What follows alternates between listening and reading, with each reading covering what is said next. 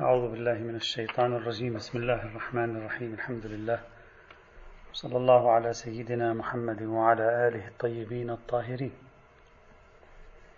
كنا نتكلم في بعض المداخلات السريعة حول ما طرحه الدكتور ملكيان فيما يتعلق بالمعنوية ونقد الأديان التاريخية خاصة نقد التعبد والمقدس في الأديان التاريخية. وصلنا إلى الإشكالية أو المداخلة السادسة وهي المتصلة بقضية التعبد. سجلنا عليها ثلاثة ملاحظات ونضيف اليوم أيضا ملاحظة تحت عنوان رابع. ملكيان من الذين يعتقدون كما يصرح هو بأن التعبد العقلاني كما قلنا عنده شيء اسمه تعبد عقلاني أو تقليد عقلاني هو يسميه وليس سوى تعبد على على أي حال. ملكيان يعتقد بأن التقليد العقلاني يمكن تصوره لو رأينا شخصا يوجه آلاف من الناس نحو مجموعة من القضايا ورأينا أن تجربته كانت ناجحة في إنتاج فرد سليم ومجتمع سليم. في هذه الحال ملكيان يقول يمكن الأخذ بقول هذا الشخص من باب التقليد. لأن الاستقراء والتجربة تعطي أنه شخص ناجح وبالتالي الأخذ بقوله ولو من دون مطالبته بالدليل هو أمر عقلاني. جيد. الآن نحن نريد أن نطبق هذا الأمر على تجربة الأنبياء. وفق منظار ملكيان نفسه. ملكيان يقر. وهذا موجود في كلامه. بأننا لا نكاد نعرف معنويين حقيقيين عبر التاريخ لم يكونوا من أتباع الأديان والنبوات. يعني المعنويون الحقيقيون دائما عبر التاريخ إلا من شذ وندر. كانوا أتباع الأديان كانوا أتباع النبوات. وهذا يؤكد أن الأديان نجحت في تقديم إنسان معنوي. نجحت في ماذا نقصد من المعنوي؟ نجحت في تقديم غاية المعنوية. يعني في منح الإنسان قدرة على تجاوز آلام الوجود وآلام الحياة وآلام الشرور التي لا يمكن تجاوزها بعلم الطب وأمثاله. طيب، إذا كانت الأديان والنبوات قد حققت نجاحا باهرا فيما يتصل بتحقيق غاية المعنوية، فيما يتصل بتحقيق غاية المعنوية، حققتها. طيب، في مثل هذه الحال ألا يكفي لأتباع الأديان لأتباع الأنبياء أن يتعبدوا بقولهم ما داموا رأوا أن اتباعهم يحقق النتائج المرجوة من المعنوية. إلا إذا ثبت لديهم سلبية بعض ما قاله الأنبياء يعني نتائج سلبية لبعض ما قاله الأنبياء. بمعنى آخر مع تجربة الأنبياء هذه وهي تجربة ناجحة على صعيد بناء الحياة المعنوية عند البشر. من أروع التجارب التي عرفها الإنسان هي تجربة الأنبياء وأتباعهم وأتباعهم في بناء حياة معنوية قادرة على الاستجابة لتحديات الوجود. طيب إذا كان ما قدمه هؤلاء قد وثقنا بهم من نتكلم الآن من الناحية العملية يعني الرجوع إليهم من الناحية العملية. إذا كان ما قالوه قد وثقنا به من حيث نجاح تجربتهم في تحقيق نتائج سليمة فلماذا لا نتبعهم في كل شيء إلا إذا ثبت في شيء ما عدم صحة ما قالوه؟ نتركهم فيه. فيكون هذا نوع من التدين المعنوي بلا حاجة إلى التخلي التام عن الدين. التخلي عن القضايا التي أتى بها الأنبياء فيما ثبت بطلانه وغيره نأخذ به ما لم يثبت البطلان. وين المشكلة؟ وين المشكلة في ذهنية الإنسان المعنوي؟ نتكلم. صحيح أن هذا يستدعي تعديلا في شكل التعبد الديني. التعبد الديني عادة يأخذ بما يقول الأنبياء مطلقا. لكن نحن الآن نقول نتعبد بما قاله الأنبياء عملا ونخرج منه حالة العلم بالبطلان والفساد من تحت التعبد. لا أقل هذا خيار كان بإمكان ملكيان أن يختاره ليوفق ليسمح للأديان أن توفق بين تعبديتها العقلانية هذه وبين قيم الحداثة. كان على الأقل يظل هذا خيارا مفتوحا في الحياة الدينية. يجمع بين التعبد والتعقل. ما دمنا لا نملك دليلا على نفي ما قاله الأنبياء. ما دمنا لا نملك دليلا على فساد ما قاله الأنبياء على بطلان ما قاله الأنبياء على نتائجه الضررية. ما عندنا دليل. هذا معناه حيث إنهم لآلاف السنين أنتجوا تجربة معنوية ممتازة جدا، اذا لماذا لا نستمر بالأخذ بقولهم ما دامت تجربتهم ناجحة؟ ونرفع يدنا عما قالوه مما قد ثبت لنا بطلانه. بل يمكننا الترقي أكثر، دائما إخواني فكروا في سياق مفهوم ملكيا لا في سياقكم أنتم الديني في سياق مفهوم على على على أرض ملكيا نتكلم. بل يمكننا الترقي أكثر هنا والقول إن التجربة المعنوية كما يقول المعنويون هي تجربة فردية شخصية غير عامة. هم قالوا هكذا. وهذا يعني أن تجربة المعنويين عاجزة عن تقديم نفسها حلا للإنسان في هذا العصر. بينما الأديان حققت العديد من أغراض المعنوية في رفع الآلام عبر مفاهيمها التعبدية وعلى نطاق إنساني واسع. في الأديان لا نعرف الانتحار المتدينون لا ينتحرون لأن هناك مقومات نفسية أعطتهم إياها الأديان تجعلهم أكثر قدرة على التكيف مع المصائب ومع الأزمات عبر إنا لله وإنا إليه راجعون. عبر لا حول ولا قوة إلا بالله العلي العظيم عبر الحمد لله على كل شيء. آلاف من هذه المفاهيم لا نستهين بها. لماذا لا يكون نجاح الأديان في توسعة دائرة تحقيق أغراض المعنوية عنصرا إضافيا يجعلها تتقدم على المعنوية غاية الأمر نرفع اليد عما في الأديان مما ثبت بطلانه. لا بأس. وما لم يثبت بطلانه نبقى على هذا المسلك. ملكيان نفسه كما قلت بالأمس يؤمن بالرمز بالسر. طيب هذا يعني إمكان أن تكون النبوة بنفسها من الأسرار من الرموز في حياة البشر. ما معنى النبوة؟ أي اتصال إنسان ما بمساحات مجهولة من الوجود. طب لماذا لا نعتبر ذلك سرا؟ كما اعتبره الله سرا. الوجود المطلق اعتبره من الأسرار. التي نتعامل معها بوصفها من الأسرار. بنى عليها المعنوية. كما سر الله سر النبوة. فنتعامل معها تعاملا تعبديا ما دامت لا تؤدي إلى نتائج ضررية وفيما تؤدي فيه إلى نتائج ضررية أو يثبت بطلانها نرفع اليد. لا أننا نطالبها بإثبات نفسها. طبعا هذا الكلام نتكلم عن مساحة الأديان ما تيجي تقول الآن شيخنا وهذا كيف يثبت التشيع يثبت الإسلام. نحن نتكلم الآن في مقابل المعنوية. يعني أنت الآن لازم تفكر على مساحة الأديان.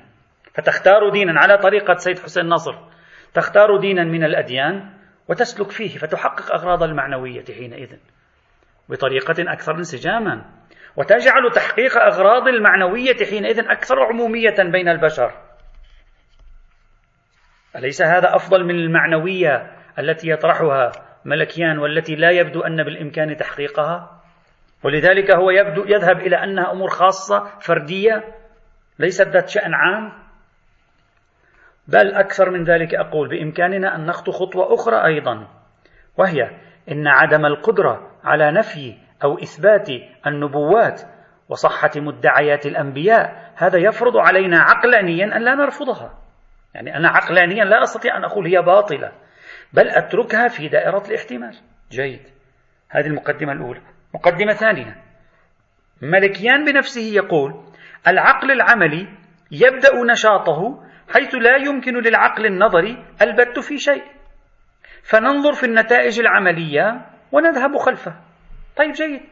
هنا لو فرضنا أن العقل النظري لا يمكنه إثبات مدعيات الأنبياء ولا يمكنه نفي مدعيات الأنبياء ولا يمكنه ترجيح الإثبات أو النافي. إذا لماذا لا يمكنني القول بأنني أتبع الأنبياء تعبدا في غير ما ثبت بطلانه أو صحته بالدليل؟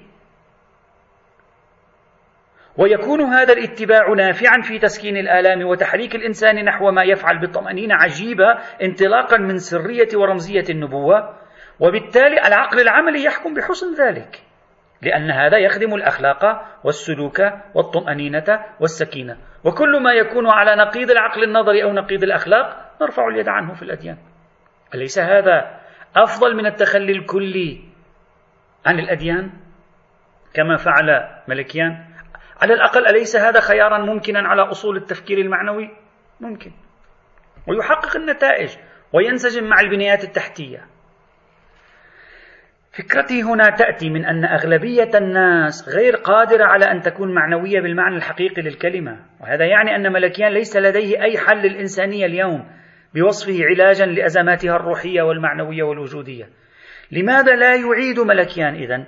تشكيل أصول المذهب المعنوي بطريقة مختلفة تدخل النبوات في دائرة الرمزيات التي لا يمكن إثباتها ولا نفيها ثم بعد ذلك نعمل فيها قواعد العقل العملي. وسنجد أن توجيه الإنسان الحداثي نحو اتباع النبوات في غير ما قام دليل على بطلانه أو صحته يظل محققا لغاية المعنوية أكثر وعلى نطاق أوسع. لأن هذه النبوات أثبتت فعاليتها في حل الأزمات التي جاءت المعنوية لحلها. أرجو الانتباه جيدا. بل هذا الذي أدعيه لعله قام فيه قام بالفعل بعض التجديديين قاموا به. أصلا كلما كان العقل النظري يواجه الأديان كانوا يستخدمون مناهج التأويل. كان دائما هكذا. يعرضون مفادات النصوص على العقل. إذا كان له قول يحكم فيؤولون النصوص. يعرضون مفادات النصوص على العقل العملي مقاصد الشرع مقاصد الدين مقاصد الأخلاق. بهدف تصويب حركة تفسير النص. فيمكن لملكيان أن يسلك هذا وما دام ملكيان يتحدث عن رتب ومراتب للمعنوية فليكن هذا من رتبها ومراتبها التي تلتقي مع التدين التاريخي وتكون لها مراتب أخرى تتعالى عن التدين التاريخي. وبذلك نحقق معنوية المعنوية على نطاق أوسع في حياة البشر. مع الحفاظ على التعبد على وفق أصول المعنوية. انطلاقا من ماذا كما قلت؟ انطلاقا من نجاح تجربة الأنبياء في تحقيق القيم الروحية وتحقيق القيم الأخلاقية وتحقيق البعد الروحي المنشود. لماذا؟ لا نفعل ذلك بهدف توسعة دائرة التحقق المعنوية في الخارج. وهذا غرض يحكم به العقل أيضا. أقصد العقل العملي الذي يؤمن ملكيان بمرجعيته بمرجعية الأخلاق. طيب. إذا هذه ملاحظات أربع تبدو لي أن هذا هذا هذه الفوبيا من التعبد. هذه الفوبيا من التعبد لا تبدو لي يعني آه، منطقية. ما دام يمكن للتقليد الحداثي أن يكون موجودا إما عبر الاستقراء أو عبر التجربة الشخصية أو عبر الرجوع إلى أهل الاختصاص. فإذا ثمة باب فتحه لنا ملكيان وبالإمكان إعادة تشكيل المعنوية نفسها يعني المعنوية الملكانية نفسها لكن في ظل وفي فضاء الأديان التاريخية. نعم لا تنتج هذه المعنوية التدين التاريخي الكلاسيكي اليوم صحيح لكنها لا تهجره بالمرة. فهذه معنوية وسطى بين التدين التاريخي بتمام أشكاله الرسمية وبين المعنوية المطلقة الهاجرة للأديان. فكروا في هذا الموضوع وتأملوا فيه لعله يكون مفيدا. المداخلة السابعة والأخيرة وبها ننتهي من الحديث عن ملكيان لأننا قلنا نحن لا نبحث في كل تفاصيل المذهب المعنوي. هذا بحث طويل وفلسفي إنما نبحث في بعض الإشارات خاصة ما يتصل بقضايانا في آه، الجانب الفقهي وأمثاله. المداخلة السابعة والأخيرة سأضعها تحت عنوان تعليقات جزئية سريعة ومتفرقة. عندي تعليقات جزئية هكذا سريعة ومتفرقة على بعض ما طرحه ملكيان. بسرعة سوف أشير إليها. مداخلات سريعة ونمر عليها. ست تعليقات. التعليق الأولى. ملكيان كما رأينا يؤكد هو وكثيرون أيضا يؤكدون أن الناس لا تختار دينها بل تبرر دينها. ودائما هكذا أنه الناس ما بتختار الأديان الأديان تجينا بفعل العوامل الأسرية البيئية التربوية إلى آخره. الوراثية لا أدري إلى آخره. جيد. سؤالي البسيط هنا طبعا هذه كلها مداخلات سريعة. سؤالي البسيط هل أغلب الحداثيين اختاروا حداثتهم بالفعل؟ أو أن التفكير الحداثي جاء في سياق المحيط أيضا والمؤثرات التربوية والنفسية والاجتماعية. يعني حتى لا نكذب على أنفسنا ونقع في وهم. ملكيان نفسه من الذين يتفاعلون مع مقولة الفيلسوف الأمريكي المعروف ويليام جيمس متوفى 1910 ويليام جيمس كان له آه، مجموعة من البحوث تتعلق بالاعتقاد. عنده بحوث جميلة تتعلق بالاعتقاد. هو يحلل من أين تأتي الاعتقادات والقناعات عند البشر. ذكر ثمانية أسباب تولد القناعات عند الناس والعقائد. واحدة منها الاستدلال فقط. يعني الاستدلال واحد على ثمانية. يعني البشر في سبعة عناصر تولد عندهم العقائد والأفكار والقناعات وواحد غير هذه السبعة هو الاستدلال يولد. فالاستدلال حظه من إنتاج القناعات بسيط في حياة البشر وفق قناعة ويليام جيمس. وإلا هناك عناصر كثيرة تولد القناعات عند البشر الحب. البشر نتكلم مش أهل الأديان الحب لأن دراسته هذه فلسفية نفسية. الحب البغض أنت تحب بعض الأمور فتجد نفسك تلقائيا تقتنع بأشياء تنسجم مع, مع ما تحب. البغض تبغض بعض الأمور تجد نفسك تلقائيا تنسجم تفر من أشياء نظرا إلى ارتباطها بشيء تبغضه مثلا. الخوف. المصلحة توالم مع الجماعة. الإنسان لا يحب أن يكون شاذ عن الجماعة يعمل له وجع نفسي. لأنه يريد أن يتوالم مع الجماعة يجد نفسه مقتنع بأفكارهم. هو مفكر نفسه عنده دليل هو لا عنده دليل ولا شيء. هو عنده فقط نوع من الراحة لأن الإنسان ليكون المحيط منسجما معه وهو منسجم مع المحيط يشعر براحة نفسية. بينما اللي يكون بالعكس هذا دائما في ألم وفي وجع. لا يشعر به ذلك المتوالم مع الجماعة. إذا عندنا الحب. البغض الخوف المصلحة التوالم مع الجماعة الأمل. الإنسان يأمل بشيء يريد لشيء أن يتحقق فيولد لنفسه قناعة. ها فإذا سوف يتحقق ذلك الشيء. طبعا هذه ناتجة عن عمليات تفاعلية نفسية معقدة تولد القناعة عند الإنسان. وغير ذلك من الأسباب. طيب إذا كانت القضية كذلك إذا كان ملكيان كما موجود في بعض بحوثه متفاعل جدا مع أطروحات الفيلسوف الأمريكي ويليام جيمس. وهذه الأطروحات ليست خاصة بالأديان أنا أسأله فقط لماذا التركيز دائما على أن أهل الأديان لا يختارون دينهم بل يبررونه؟ هل غيرهم يعني يختار كان قناعاته؟ هل الحداثيين؟ هل الملحدين؟ هل فعلا هؤلاء اختاروا قناعاتهم عن أدلة أو المؤثرات الخارجية أيضا لعبت دورا؟ حتى صياغة الاستدلال في العقل على خلاف المحيط حتى الشخص الذي يستدل عقليا بأمر يخالف المحيط. أحيانا قد لا يكون ذلك ناتجا عن تبعيته للدليل بقدر ما هو ناتج عن بغضه للمحيط. ألا, ألا نعرف أشخاصا كثر؟ لبغضهم برجال الدين. لبغضهم مثلا بولاية الفقيه أنكروا الإمامة؟ لبغضهم مثلا برجال الدين أنكروا آه، آه، الفقه كله حتى يخلصوا من سلطة رجال الدين؟ هذا موجود.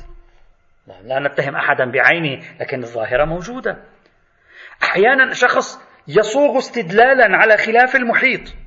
استدلالا يولد قناعة تخالف محيطه لا لأجل شيء إلا أن يكون لديه استقلالية. رغبة في الاستقلال مثل المراهق الذي يحب أن يكون مستقلا. هذا أيضا؟ عامل نفسي.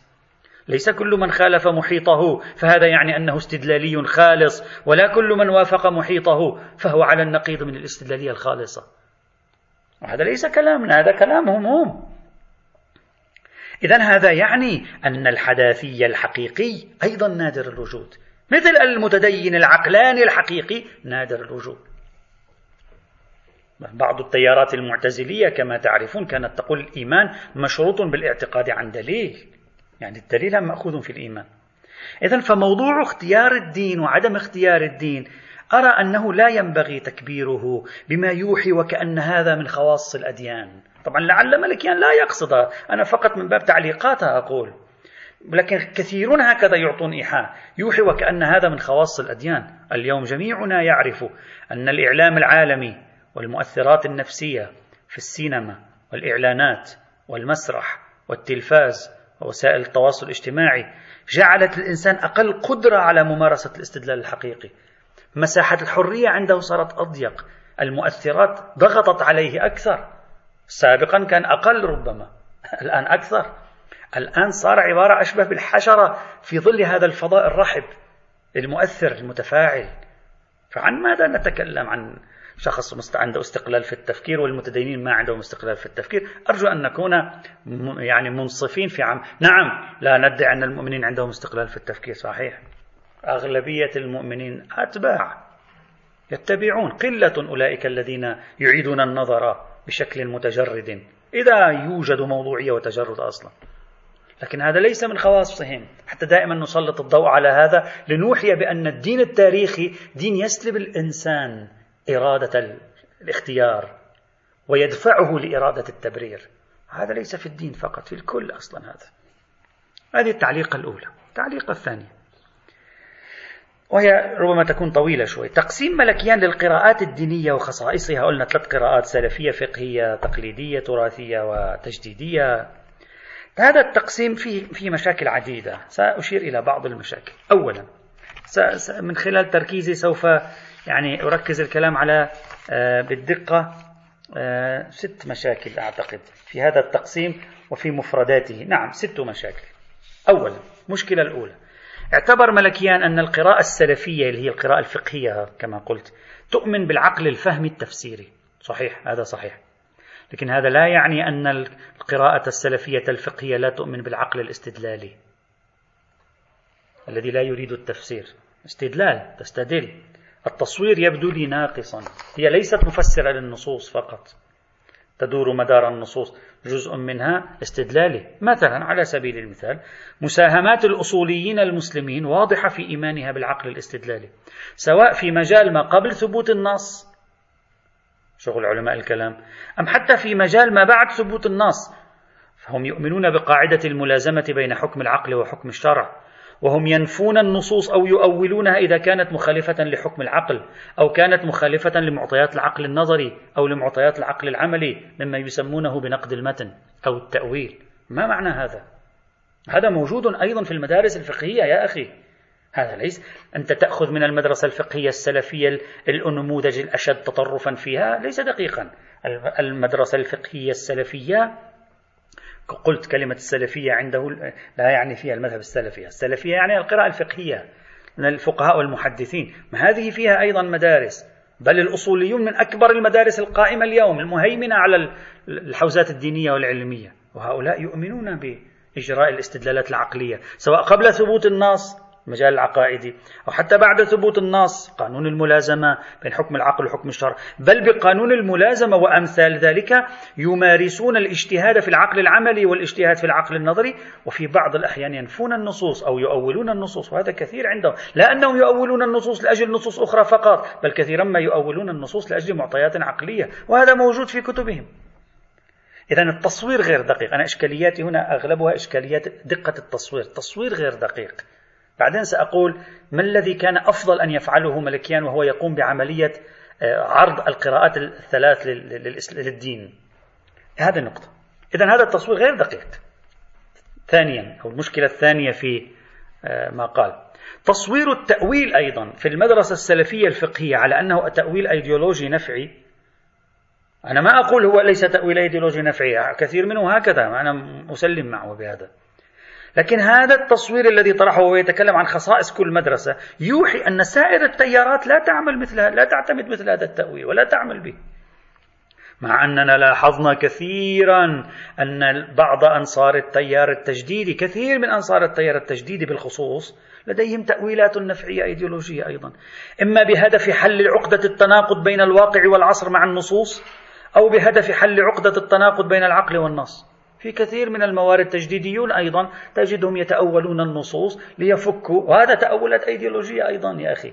لماذا جعلت التأويل الأيديولوجي حكرا على المدرسة الفقهية السلفية في حين كثير من أنصار المدرسة التجديدية ليسوا بمنأى عن مثل هذه التهمة؟ إذا صح التعبير. فالأفضل في تقديري أن لا نحصر مرجعية التأويل بهذا التوصيف له أي أنه تأويل نفعي إيديولوجي أن لا نحصره بالقراءة السلفية بل الأصح أن نجعله موجودا في القراءة السلفية وفي القراءة التجديدية أيضا. بعدين سنقول ممكن يكون صفة موجودة في قراءتين في إحداهما أشد حضورا من الأخرى لا بأس هذا هذا التعبير أدق. أما أن تقول لي هذا من خصائص القراءة الأولى ولا تذكره في القراءة الثالثة فهذا يبدو لي غير دقيق إطلاقا. كثير من التجديديين الآن روح شوف كيف طريقة تعاملهم مع التأويلية مع النصوص. كثير. أحيانا بعضها مضحك مبكي. فقط لأنهم يريدون أن يوفقوا بين الدين والحداثة فقط لأنهم يريدون أن يوفقوا بين آه، العصر والنصوص الدينية وما شابه ذلك. طيب لماذا ذاك نفع إيديولوجي؟ وهذا ليس نفع إيديولوجي. شو الأيديولوجيا هي يعني خاصة بمكان معين؟ هذه المشكلة الثانية. المشكلة الثالثة توصيف ملكيان للقراءة السلفية على أنها تساوي الشريعة بالدين هذا التوصيف أيضا غير دقيق. نعم أنا أسلم معه أن الشريعة تحظى بأولوية عالية في القراءة السلفية الفقهية لكننا نلاحظ أن العقائد والتاريخ لهما حضور كبير جدا لا يقل أهمية عن حضور الشرعيات في القراءة السلفية الفقهية. ولذلك هي تهتم بالطقوس كثيرا. لأن جزء من الطقوس خاصة في الوسط الإمامي تعبر عن انتماءات عقائدية. أكثر من كونها تعبر عن مستحبات وواجبات فقهية. يعني اهتمام القراءة الفقهية التقليدية السلفية بالطقوس جزء أساسي منه تعبير عن أولوية العقائد والتاريخ عندها. أكثر من أولوية الشريعة والفقه عندها. إذا كان الأفضل بملكيان أن يقول القراءة السلفية تساوي الشريعة إلى جانب حضور معتد به للعقائد والتاريخ. وهذا مهم يحتاج تعديل في كيفية التوصيف. وليس الشريعة هي القراءة السلفية القراءة السلفية هي الشريعة فقط لا ليس دقيقا. ينبغي إقحام عنصر آخر. المشكلة الرابعة قال من خصائص القراءة الفقهية السلفية أنها تؤمن بمبدأ تطبيق الشريعة ولو بشكل قهري. لكن هذا غير دقيق يا أخي. لا أدري أنا يعني هو ملكيان يمكن يتكلم عن يدرس مجتمعه الآن يمكن هنا. هذا كلام غير دقيق خاصة لما ندرس الفضاء الشيعي اللي هو غالبا محط نظر ملكيان غالبا هو محط نظر ملكيان مثلا نحن نعرف في التاريخ الشيعي وإلى اليوم تيارات فقهية لا تؤمن بقيام الدولة الدينية ولا بإقامة الحدود والتعزيرات وصلاة الجمعة والعيدين ولا تؤمن بالجهاد الابتدائي في عصر الغيبة. يعني هي لا تؤمن بمبدأ التطبيق القهري للشريعة بالشكل الذي طرح. هذا غير دقيق. كان من المناسب الإشارة لوجود مثل هذه التيارات خاصة وأن ملكيان يتكلم غالبا عن الفضاء الشيعي. هذه التيارات ليست شخص وشخصين هذه عشرات الفقهاء عبر التاريخ كانوا يميلون إلى ذلك. معنى ذلك ما عندهم مشروع فرض الشريعة بالقوة على الجمهور. عبر الحدود وعبر القصاص وعبر التعزيرات وعبر إلى آخره. لا ما, ما, ما واضح أن هذا هو كأنما يتكلم عن التيار الفقهي الذي هو يواجهه بحسب التجربة السياسية الإسلامية المعاصرة. لا يستطيع أن يعمم. إذا ليست كل قراءة فقهية هي قراءة تدعو إلى تطبيق الشريعة ولو بالقوة. لا في قراءات فقهية وقوية جدا وتعتمد المنهج السلفي الفقهي لكنها لا ليست في هذا الفضاء إطلاقا. على الإطلاق ليست في هذا الفضاء أبدا. ولا, ولا نتكلم عن رموز صغيرة نتكلم عن رموز كبيرة. المشكلة الخامسة. إذا أنا طبعا هذه الإشكاليات يعني بمعنى أن توصيفات ملكيان للقراءات الثلاث للدين تحتاج إلى تعديلات. تحتاج إلى تعديلات جزئية مهمة حتى تكون أكثر دقة وعلمية. المشكلة الخامسة. قال ملكيان من خصائص أو من ميزات القراءة السلفية الفقهية أنها تلقي مسؤولية الفشل والتخلف على الآخرين. نعم هذا رأيناه بالحالة العامة الغالبة ليس كل الناس. الحالة الغالبة هكذا. لا, لا, لا يقبلون بأن يقول نحن المشكلة في تخلف المسلمين و ومصائب المسلمين. لكن آه، خلونا نكون يعني نفكر بطريقة دقيقة. أصلا أغلب التيارات الفكرية الدينية هكذا. ليش حتى غير الدينية هم هكذا؟ أعطيني من هو من الشجعان النقاد لذواتهم من الرجال الذين يؤمنون بمراجعة شاملة ذاتية. من هم؟ ليش الحداثيون يعني هكذا؟ ليش الماركسيون يعني هكذا؟ ليش يعني الليبرال من هم؟ في, في ساحتنا نحن نتكلم الآن في القراءات الدينية. في القراءات الدينية من هم أولئك الذين يقولون نحن نتحمل مسؤولية الفشل؟ نعم قلة. قلة هنا وقلة هناك أيضا. فلماذا جعلت هذه ميزة أو خاصية من خصائص القراءة السلفية الفقهية؟ ولم تجعل خاصية أيضا من خصائص القراءة التقليدية التراثية أو من خصائص القراءة التجديدية. نعم قد تقول لي في هنا ربما أزيد قليلا وأقل قليلا لا بأس. المفهوم التشكيكي أقبل به لكن جعلها خاصية غير كذلك مثلا أن مثلا القراءة السلفية الفقهية ليس عندها برامج تغييرية صحيح؟ في الجملة صحيح بالأعم الأغلب صحيح؟ ليش غيرها كان بالضرورة عنده برامج يعني؟ إذا كانت الحركة الإسلامية الحركة السياسية الإسلامية اليوم في العالم فيما عندها من دول وأحزاب تنتمي إلى القراءة السلفية الفقهية عندها برامج أكثر من التجديديين يا أخي. عندها برامج تغييرية وإدارية أكثر من التجديديين سواء وافقنا على برامجها أو ما وافقنا عليها. اعتبرناها فاشلة ما اعتبرناها ناجحة. لكن عندهم برامج التجديديون بحسب التقسيم الذي طرحه قراءتهم البرامجية أين؟ يضعون لك برنامج تغييري شامل. لا أريد أدخل في أسماء على أي حال. الكلية الحديث الكلي موجود عند الجميع. والبرامج هم موجودة عند الجميع. إسا بنسبة أقل أزيد لا بأس. هذه المشكلة الخامسة. المشكلة السادسة. تعريف ملكيان للقراءة التجديدية يعاني من مشاكل. ألا أترك القراءة السلفية الآن خلينا نروح القراءة التجديدية. تعريفه للقراءة التجديدية يعاني من مشاكل لأنه بعض ما ذكره في هذا التعريف يستوعب تيارات متنوعة تلتقي في بعض هذه الخصائص وتختلف في بعضها. يعني عطى تعريف للتيارات التجديدية للتيار التجديدي في حين أن التيار التجديدي توجد فيه تيارات بعضها ينسجم مع جزء من هذا التعريف بعضها لا ينسجم. يعني التعريف ليس دقيقا. مثلا على سبيل المثال. يقول التيار التجديدي يؤمن بحجية العقل الاستدلالي الموازي للكتب المقدسة اللي في عرض الكتب المقدسة. هذا الكلام هلامي مطاط. العديد من التيارات التجديدية التي تحتوي على أغلب خصائص التيار التجديدي التي ذكرها ملكيان لا توافق على هذا الكلام. إذا قصد من حجية العقل الاستدلال الموازي للكتب المقدسة لو قصد تحرر العقل من النص حتى في الأمور التي يتحدث عنها النص ليس كل التجديديين يوافقون على هذا. يعني مثلا الشيخ محمد عبده من رجال التجديد في العالم الإسلامي من أوائل المجددين في العالم الإسلامي محسوب على التيار التجديدي المقاصدي العقلاني نقد الأشعرية من رموز الاعتزال الجديد. لكن لا نجده بالضرورة متماهيا مع فكرة جعل العقل في موازاة النص أو متحرر من النص بالطريقة التي هي موجودة عند من؟ عند عبد الكريم سروش. لا. هذا مدرستين مختلفتين. وكلاهما ينتميان للقراءة التجديدية وفق أكثر الخصائص التي ذكرها هو للقراءة التجديدية.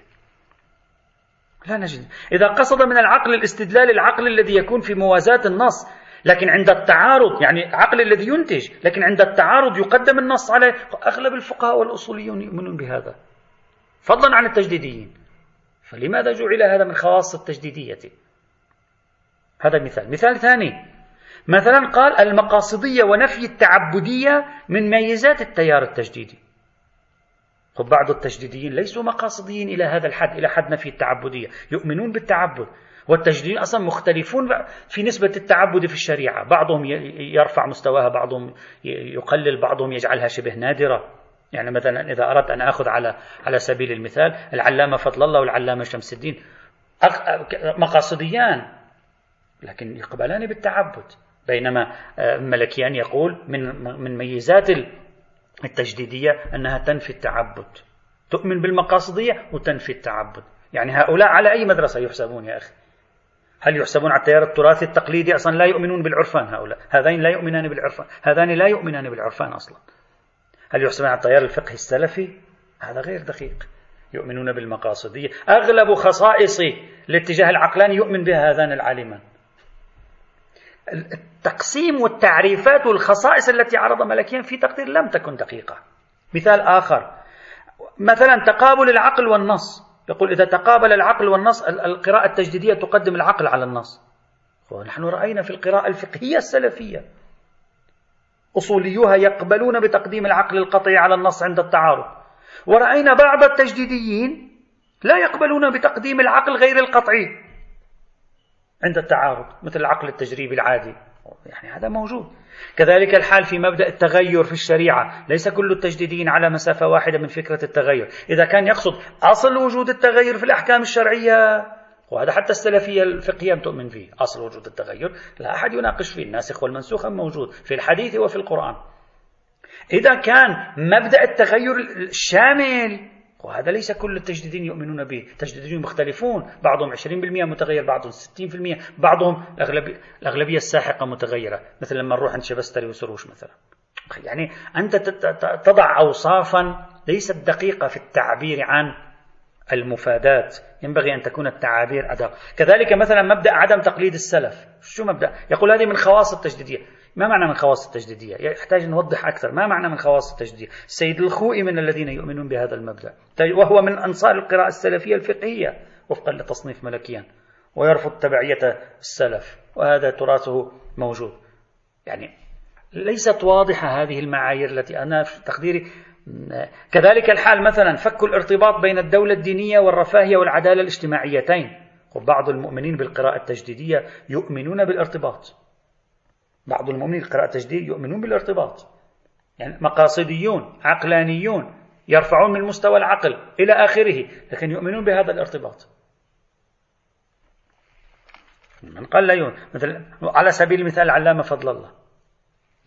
ليس كل التجديديين يفكون العلاقة. ليس كلهم هكذا يفكون العلاقة. وليس كل التقليديين أو السلفيين يشيدون هذه العلاقة على أساس اللزوم أو الضرورة.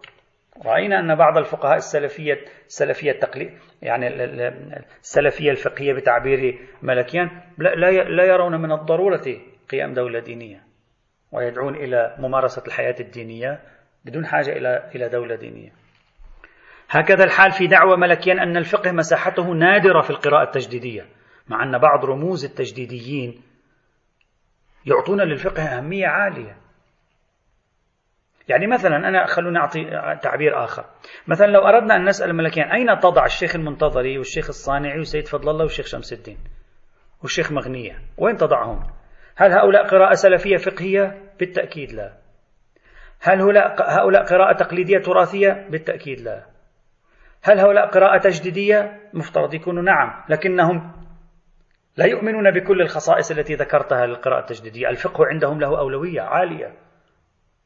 وليس كما قلت الفقه يصبح شبه نادر في حياتهم. أنت أخذت نموذج تيار حداثي معين في إيران سروش وفلان وأخذت تفصل المقاس عليه وتفصل اللباس على على مقاسه. فإذا هذا غير دقيق. يبدو لي أن ملكيان أخذ مساحة محددة ضيقة في الساحة الإسلامية وضع لها تصنيفا. كان من الأفضل له أن يقول هكذا هناك ما به الامتياز في كل قراءة. وهو قليل جدا. اثنين هناك ما به الاشتراك. هذا الذي به الاشتراك يعني مشترك بين الثلاثة أو مشترك بين اثنين من الثلاثة هذا ما به الاشتراك. إما مشترك بين اثنين من ثلاثة بنحو التواطؤ يعني مثل بعضهم أو بنحو التشكيك. مثلا في القراءة السلفية مثلا في القراءة السلفية الفقهية في العادة ذات هذه القراءة ليست قراءة عرفانية شهودية. بينما ذات القراءة التقليدية قراءة عرفانية شهودية. هذا ما به الامتياز. أما ما به الاشتراك في القراءة السلفية الفقهية في القراءة التراثية التقليدية ما به الاشتراك. أو في القراءة التراثية التقليدية مثلا وفي القراءة التجديدية ما به الاشتراك هو تقليص التعبد. تقليص التعبد. وبينهم درجات. تقليص التعبد في القراءة التجديدية أكثر من القراءة التراثية مثلا وهكذا. هذا المعيار كان أفضل فهناك خلل فني في هذا الموضوع. هذه كانت التعليقة الثالثة التعليقة الرابعة. يصر ملكيان على رفض تسمية نفسه بالمذهب وأنه ليس سوى اتجاه كي لا يحصر نفسه بين جدران العقائد والمحددات والمعايير الصارمة كما قلنا. لكن في الحقيقة مشروع ملكيان هو نظرية لها أصول لها مفروضات لها بنية تحتية محددة. لا أقل من كونه يقوم على أصول العقل العملي ومفروضات العقل العملي هذه كلها محددات وأطر. إذا واحد لا يؤمن بها لا يمكن أن يكون معنوي. وهي تحتوي كل هذه الأصول تحتوي على جمل خبرية على قضايا. في خلفية فلسفية تحتوي على جمل خبرية وعلى قضايا وعلى مواقف معرفية. نعم ميزة المعنوية أنها بعد أن تشرع بالعمل يعني بعد أن تنتهي من تقعيد نفسها ناتجها ليس قضايا خبرية ناتجها توجيهات أخلاقية تربوية روحية اجتماعية. هذا صحيح. أما هي ليس لها محددات لها محددات ومعالم أيضا. وهذه المعالم جزء أساسي منها خبري. ومن لا يؤمن بهذه القضايا الخبرية من لا يؤمن بهذه المعايير المعرفية لا يمكنه أن يكون إذا هي ليست متحررة من الأطر. وبالتالي يصح أن نعتبرها مذهبا بهذا المعنى. تعليق الرابعة. مشروع ملكيان هذه لعلني أشرت إليها سابقا لكن لا بأس أن جعلها مستقلة هنا. مشروع ملكيان هو من خلال كلامي ليس حلا لمشكلة الإنسانية اليوم هو مجرد حل نخبوي أفرادي كما قلنا. الآن نسأل ملكيان ماذا لديك من حل اليوم للإنسانية في عصر آمنت أنت فيه بقيم الحداثة وأزحت فيه كل الأصول الأديانية؟ يعني هل أنت بالمعنوية حليت المشكلة أو عقدت المشكلة؟ أنت كيف تحقق ما دامت المعنوية ليست مشروعا عاما كما تقول. إذا المعنوية جاءت بقيم الحداثة أزاحت القيم الدينية ثم في أغلب مساحة الحياة الإنسانية لم تضع بديلا. بديلا يحقق النتائج المعنوية التي تريدها. هذا مقصودي. فماذا نكون قد فعلنا؟ ثم لماذا لا يمكن للمعنوية أن تكون مشروع إنساني عام؟ هل هذا بسبب عيب فيها؟ هل هذا بسبب ظروف موضوعية؟ هذا كان يحتاج إلى توضيح من ملكيان ملكيان يؤكد على فردية وخصوصية المعنوية وأنها ليست عامة. إذا كان يقصد من الفردية والخصوصية أنها بطبعها ليست قابلة للتعميم. يأتي هذا السؤال. أما إذا كان يقصد بأنها ليست عامة يعني ليست مذهبا اجتماعيا. فهذا بحث آخر حينئذ. يعني هذا خارج عن إطار إشكالنا. التعليقة الخامسة. بعض ما اعتبره ملكيان من خصائص الإنسان المعنوي لا يبدو لي أنه من خصائص الإنسان المعنوي. يعني أعطى للإنسان المعنوي خصائص كأنما هذه الخصائص الطيبة ليست موجودة إلا في الإنسان المعنوي. لكن ليس كذلك. بعض هذه الخصائص موجود عند المعنوي وغير المعنوي. مثلا المعنوي لا يهتم بالأسئلة الكبرى وبالنظر. النظر عنده إذا كان فليس سوى مقدمة للعمل. وهذا الكلام ليس كلام المعنويين فقط. هذا كلام كثير من عرفاء الأديان. بل وردت فيه نصوص دينية تركز على أن العلم للعمل وليس لمجرد المعرفة. فأنا أعرف الله لكي أعبده. فأنا أعرف صفات الله لكي أدعوه بها. لكي أفتح معه علاقة من خلالها. الأديان أصلا كثير الأديان تقول هكذا كثير من عرفاء وأخلاقيو الأديان يقولون هكذا. يهاجمون النزعة المعرفية المحضة عند الفلاسفة والمتكلمين أو عند بعض الفلاسفة والمتكلمين. العلم للعلم ليس مطلوبا العلم للعمل. هذا أصلا شعار ديني. ولماذا تجعله من خصائص الإنسان المعنوي؟ وكأنني إذا لم أكن إنسانا معنويا فإنني سأفقد هذه الخاصية مع أنها خاصية جيدة ونحن نؤمن بها. وأنا تكلمت في أكثر من مقال لي حول موضوع المعرفة والمعرفة بوصفها سلوكا آه، في المفهوم الديني. مثلا خاصية أخرى يقول المعنوي له حياة أصيلة.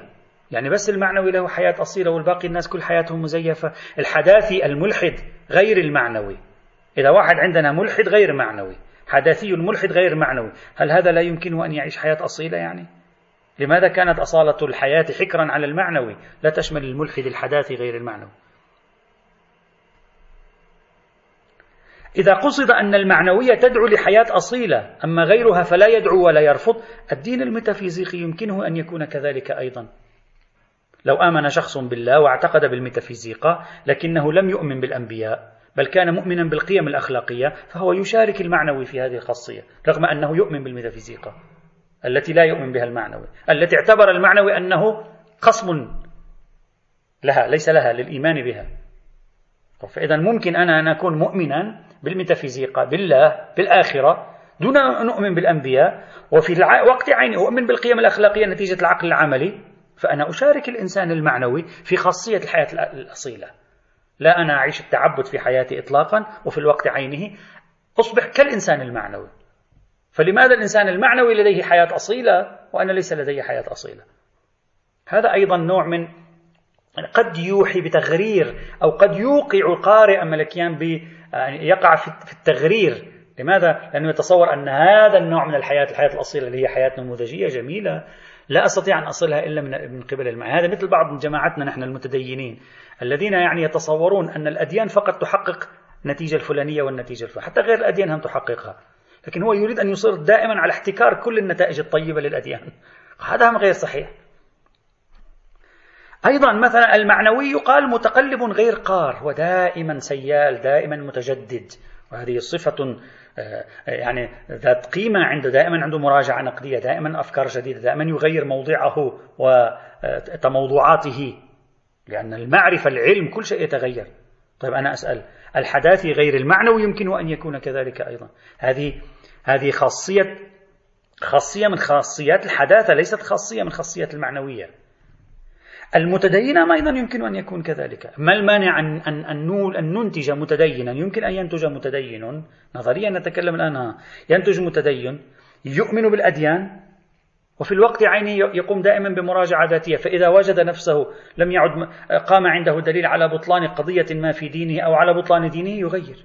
يعني هل هذه الصورة مستحيلة؟ نتكلم نظريا. هذه اللي هي المتقلب غير قار صفة أخلاقية في الإنسان. ما لها علاقة بالانتماءات منتمن إلى المعنوية أو منتمن للحداثة أو منتمن للدين. هذه أصلا صفة أخلاقية. ما هي هذه الصفة الأخلاقية؟ صفة تربي نفسك عليها في أنك لا تجمد عندما تؤمن. دائما أذنك شغالة أذن خير. دائما الأذن شغال تستمع لكل جديد وتستطيع أن تطور نفسك. إذا رأيت أن الدين باطل فبتعدل عن الدين. هذه صفة أخلاقية فيك. ليست صفة في, في من تنتمي إليه. وهذا يمكن أن يتحلى بها المتدين يمكن أن يتحلى بها الشيعي يمكن أن يتحلى بها السني يمكن أن يتحلى بها الحداثي الليبرالي العلماني كلهم يمكن يتحلى. مش بس المعنوي هذه ليس من خصائصه. إذا ما أريد أن أعلق عليه هو أن هناك على الأقل ثلاث من من الخصائص الخمس أو الست التي ذكرها ملكيان للإنسان المعنوي هي خصائص جميلة ليست من الخواص المعنوية. حتى توحي كلماته وكأن هذه من منجزات المعنوية. ستقدم لك المعنوية هذه المنجزات. هذه المنجزات يمكن أن تكون موجودة عند غير المعنويين سواء من المتدينين أو من غير المتدينين أيضا. يعني من حتى الملحدين أيضا أحيانا. تعليقة السادسة والأخيرة وبها أختم البحث في الحديث عن المعنوية والتعبد في الدين عند ملكيان حتى لا نطيل أكثر. اقتربنا من نهاية العام الدراسي و نختصر الآن حتى لا نطيل. هذا بحث أصلا جزء منه استطرادي كما تعرفون. تعليقة السادسة والأخيرة هل المعنوية هي قراءة تجديدية للدين كما قد يفهم من عبارات ملكيان؟ هو يقول أنا قراءتي هذه تنتمي للقراءة التجديدية أو هي تجاوز للدين. إعادة فتح باب القيم الأخلاقية. يعني أصلا الدين انتهى. المعنوية تضع الدين جانبا. وتعيد فقط فتح القيم الأخلاقية. يعني مثل كانت إعادة الاعتبار للعقل الأخلاقي. معذرة إعادة الاعتبار للعقل الأخلاقي. واللي من قيم الأخلاقية التي يحكم بها العقل الأخلاقي الرضا بالواقع على ما هو عليه. لأن هذا مبدأ أخلاقي يحكم به العقل العملي لتحقيق التكيف وسلامة الإنسان النفسية والجسدية. إذا لا أعتقد أن قراءة ربما ملكيان في البداية طرح هذه القراءة كقراءة تجديدية في الدين لكن أنا في تقديري هذه القراءة تخطت الدين وتجاوزته فبالضبط هي مثل قراءة شبستري التي كانت قراءة للدين ثم تحولت إلى تخط وتجاوز للدين. بصرف النظر كل أحد له يعني حر فيما يختار لكن هي ليست قراءة للدين. هي وضع الدين جانبا والإتيان ببديل آخر هو عبارة عن القيم الأخلاقية والروحية التي تشترك جزء منها مع الدين. أو ربما كلها تشترك مع الدين. أيضا أكتفي بهذا القدر. أكتفي بهذا القدر من الحديث عن موضوع آه، ملكيان. ولنكمل البحث إن شاء الله تعالى في موضوع التعبد. نحن في البداية يعني بدأنا بدائرة عريضة والدائرة بدأت تضيق يعني تكلمنا عن نموذج كريكجار ثم نموذج ملكيان ومن غد إن شاء الله نبدأ بحث التعبد والتعقل في دائرتنا اللي هي محل بحثنا يعني هي مسألة الفقه والأصول إن شاء الله تعالى والحمد لله رب العالمين.